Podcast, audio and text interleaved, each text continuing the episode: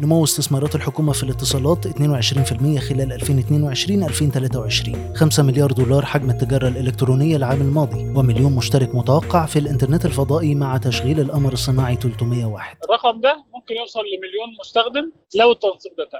صباح التكنولوجيا من جديد. أحدث الأخبار المحلية والعالمية في أول نشرة تكنولوجية مسموعة في مصر. تكنولوج على كل منصات البودكاست. تكنولوج بودكاست برعاية هيئة تنمية صناعة تكنولوجيا المعلومات إتيدا ومنصة أنغامي أكد الدكتور عمرو طلعت وزير الاتصالات وتكنولوجيا المعلومات أن حجم الاستثمار الحكومي في القطاع سيشهد نمو 22% خلال السنة المالية 2022-2023 على أن يبلغ إجمالي الاستثمارات 22.8 مليار جنيه. قال الدكتور إبراهيم عشماوي مساعد أول وزير التموين أن حجم التجارة الإلكترونية في مصر سجل 5 مليار دولار بنهاية العام الماضي وسجلت حركة البيع والشراء أونلاين في المنطقة 50 مليار دولار. يعقد اليوم معهد تكنولوجيا المعلومات ITI ملتقى توظيف بيجمع العديد من شركات تكنولوجيا المعلومات العاملة في السوق المصري وبمشاركة طلاب المعهد بهدف تحقيق التشبيك بين النواحي العلمية والوظيفية لطلاب المعهد. الأسبوع الحالي حافل بكثير من الأحداث ومنها مؤتمر IDC لمديري تكنولوجيا المعلومات اللي بتبدأ فعالياته غدا الثلاث 14 يونيو بالتزامن مع إعلان شركة البيانات العالمية إن 49% من مديري تكنولوجيا المعلومات في مصر سرعوا من خططهم للتحول الرقمي خلال السنة الماضية. كذلك ينطلق غدا الاثنين وعلى مدار يومين مؤتمر ومعرض الأمن السيبراني CAISEC بمشاركة ست وزارات وعدد كبير من شركات تكنولوجيا المعلومات العالمية والمحلية بهدف مناقشه الجرائم والتهديدات الإلكترونية وتأثيرها الاقتصادي. يستهدف صندوق Sawari Ventures البدء في جمع صندوق استثماري جديد خلال النصف الثاني من العام الجاري وده بعد انتهاء الصندوق من استثمار إجمالي قيمته البالغة مليار جنيه. يأتي هذا بالتزامن مع إعلان ومضه إن حجم الاستثمارات في الشركات الناشئة خلال مايو فقط سجل 81 مليون دولار لتستحوذ على 40% من صفقات منطقة الشرق الأوسط في ريادة الأعمال. تستهدف شركة هواوي مصر الوصول بعدد أكاديميات التدريب الخاصة بها إلى 100 أكاديمية خلال العام الجاري عمرو زايد الرئيس التنفيذي لبرنامج أكاديميات هواوي قال إنه من المستهدف الوصول بعدد المتدربين إلى 20 ألف بنهاية السنة في حين إن عددهم حاليا تخطى ال 12 ألف متدرب.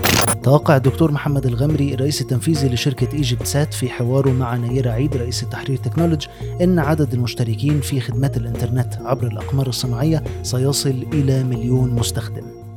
القمر الصناعي الجديد اللي مصر أطلقته 301 حضرتك شايف الإطلاق إزاي دلوقتي؟ وشايف الخطوات اللي بتاخدها مصر ناحية إنها توفر إنترنت فضائي وكده ده هيأثر إزاي خلال الفترة اللي جاية؟ بالنسبة للقمر الجديد اللي معمول بيعملوه عشان يبقى بديل القمر نايل سات القديم. عمره بدأ يعني يقرب على الانتهاء. الجديد ده يتميز عن القديم بحاجتين. اولا هو آه مش بس خدمات بس تلفزيوني في كمان خدمات آه إنترنت بالأقمار الصناعية عن طريق حيز ترددي اسمه ال Ka band قبل كده قمر مصري برضو أطلقته في مصر اسمه تيبا 1 ده أطلق من سنتين بس هو لحد دلوقتي مش جاهز للتشغيل. يعني لسه ما بيجهزوا التشغيل بتاعه. النايل سات أطلق من يومين علشان برضو يقدم خدمات إنترنت بالأقمار الصناعية لحيز ترددي Ka band هو الموضوع ده موجود من زمان في مصر ولا جديد؟ لا ده موجود من زمان من أكتر من 15 سنة ولكن اللي كان موجود على حيز ترددي اسمه Ku band. وإحنا بنقدم هذه الخدمة هي شركة Egypt Sat ميزه في ال Ka band ممكن يدي سرعات أكبر باسعار أقل. بدل ما يبقى الاستخدام بس لشركات البترول والشركات اللي هي في الصحراء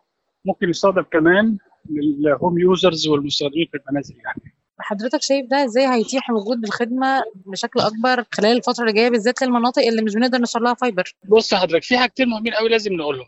اولا ال Ka band موجود في العالم بقاله أكتر من 10 سنين. النهارده بقى في قمرين موجودين في مصر ولكن القمرين دولت محتاجة جنبهم شركات تقديم الخدمة. شركة تملك القمر وشركة ثانية عندها المعدات اللي بتبعت الخدمة. اسباب إن القمر اللي هو طيبه لحد دلوقتي متأخر إن هم معدات تقديم الخدمة مش جاهزة ولسه متأخرة فده اللي اخرها محتاجين يبقى في تعاون ما بين الشركات المالكة للقمر النهارده بقوا شركتين طيبة والنايل سات وفي ست شركات في مصر مرخص لها بتقديم خدمة اتصال بالاقمار الصناعيه فلو ده هذا التعاون تم هنقدر ندي خدمة بسعر تنافسي. طيب السرعات اللي بتقدمها بقى بعد إطلاق ال band الجديدة دي هل هيكون في سرعة أعلى من اللي موجودة حاليا للانترنت الفضائي أصلا؟ إحنا ممكن دلوقتي بنقدم خدمات على ال Ku band السرعات محدودة لغاية مثلا 4 megabit per second. قليله جدا ممكن نوصل ل 200 ميجا بت بير سكند. هي زي الانترنت الأرضي. زي الانترنت الأرضي. ميزة فيها بقى كمان إن التغطية بتاعها بتغطي مصر بالكامل. ده يتوافق جدا مع خطة الدولة كمان في حياة كريمة إن إحنا. نوفر الإنترنت للقرى النائية وكده. ده أكيد طبعا.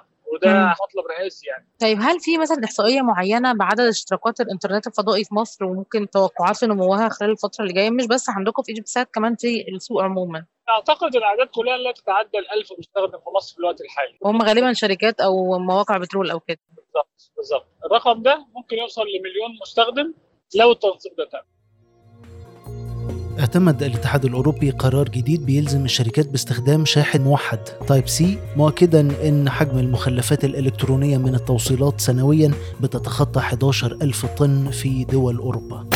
أعلنت أبل في مؤتمرها للمطورين عن عدد من التقنيات الجديدة وكان واحد من المنتجات الحديثة اللي ممكن تغير كتير في رؤية المدفوعات عالميا هو إتاحة نظام BNPL الشراء الآن والدفع لاحقا ضمن برنامجها Apple Pay واللي بيتيح للمستخدمين الدفع اللاحق على مدار ستة أسابيع.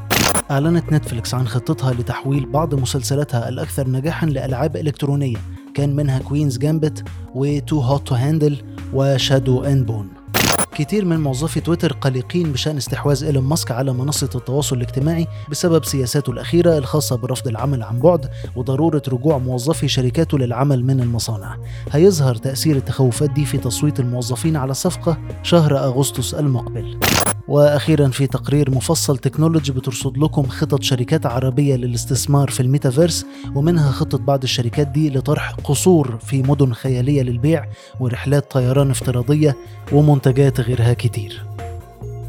Technology بودكاست برعاية هيئة تنمية صناعة تكنولوجيا المعلومات إتيدا ومنصة أنغامي. أخبار أكتر على Technology dot news.